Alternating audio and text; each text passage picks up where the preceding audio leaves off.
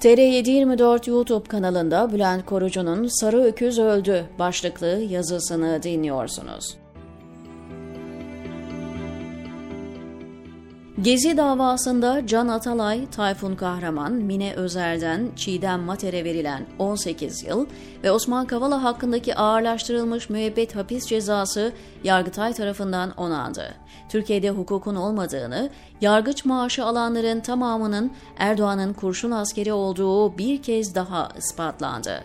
Kararı Gezi'nin intikamı olarak görmek bence eksik bir bakış açısı. Erdoğan'ın asıl hedefi gözdağı vermek. Sivil direnişi, örgütlü toplumu ve muhalif duruşu aklınızdan bile geçirmeyin diyor en hoyrat ve saldırgan biçimde. Yargılamanın bütün süreçleri adli skandalların yanında insani dramlarla doluydu. Osman Kavala baş hedefti ve en ağır bedeli ona ödettiler.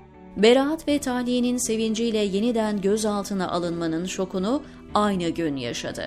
Uluslararası kurumların ve ülke aydınlarının desteğini hissederken Can Paker gibi kimi yol arkadaşlarının ihanetini de gördü.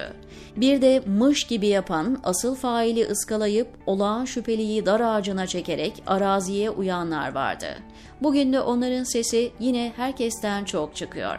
Sarı öküzü vererek kurtulmayı büyük strateji diye sunuyorlar. Oysa sarı öküz çoktan kurban edildi ve kimseyi kurtaramadı. Çünkü canavar son öküzü yemeden durmayacak. Sarı öküzü teslim etmeyi çok deneyen oldu, hiçbirinin işine yaramadı.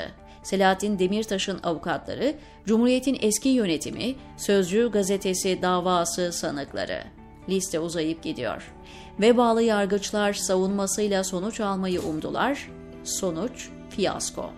Cumhurbaşkanı Tayyip Erdoğan kendine biat etmeyenleri yakmak için ürettiği terminolojiyi kullanmayı akıllıca sandılar. Erdoğan, cadıları sınıflandırıyor ve aralarındaki kavgayı keyifle seyrediyor. Ona ve kurduğu antidemokratik rejime muhalefet eden herkes terör ve darbe yaftasını yiyor. Suçunu ağırlaştırmak istediklerini bir de büyük cadı FETÖ parantezine alıyor. Suçlananlarsa temelden cadılık kavramına itiraz edeceklerini, kendisi dışında herkesin cadı olabileceğini savunuyor. Hatta diğerleri hakkında Erdoğan'ın söylemlerini yüksek sesle tekrar ederek kurtulmayı umuyor. Gezi davası savunucularının içine düştüğü bir çelişki de şu. Belli bir zaman diliminde yargıda gördükleri bütün hataları günah keçesine yazıyor. Ama bütün iyilikleri gökten melekler indi yaptı ve tekrar göğe çekildiler der gibi davranıyorlar.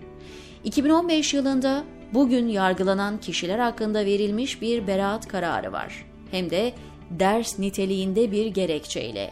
Bu satırlar o gerekçeden Ahim'in ifade özgürlüğünde olduğu gibi toplantı ve gösteri yürüyüşü hakları sadece toplumun geneli tarafından savunulan ve kabul gören düşünce ve fikirleri korumakla yetinmez.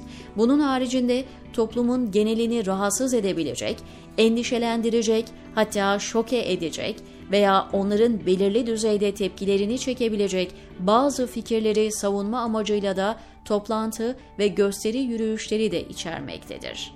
Sözleşmenin 11. maddesi barışçıl ama yasal olmayan gösteri ve yürüyüşlere de uygulanmaktadır.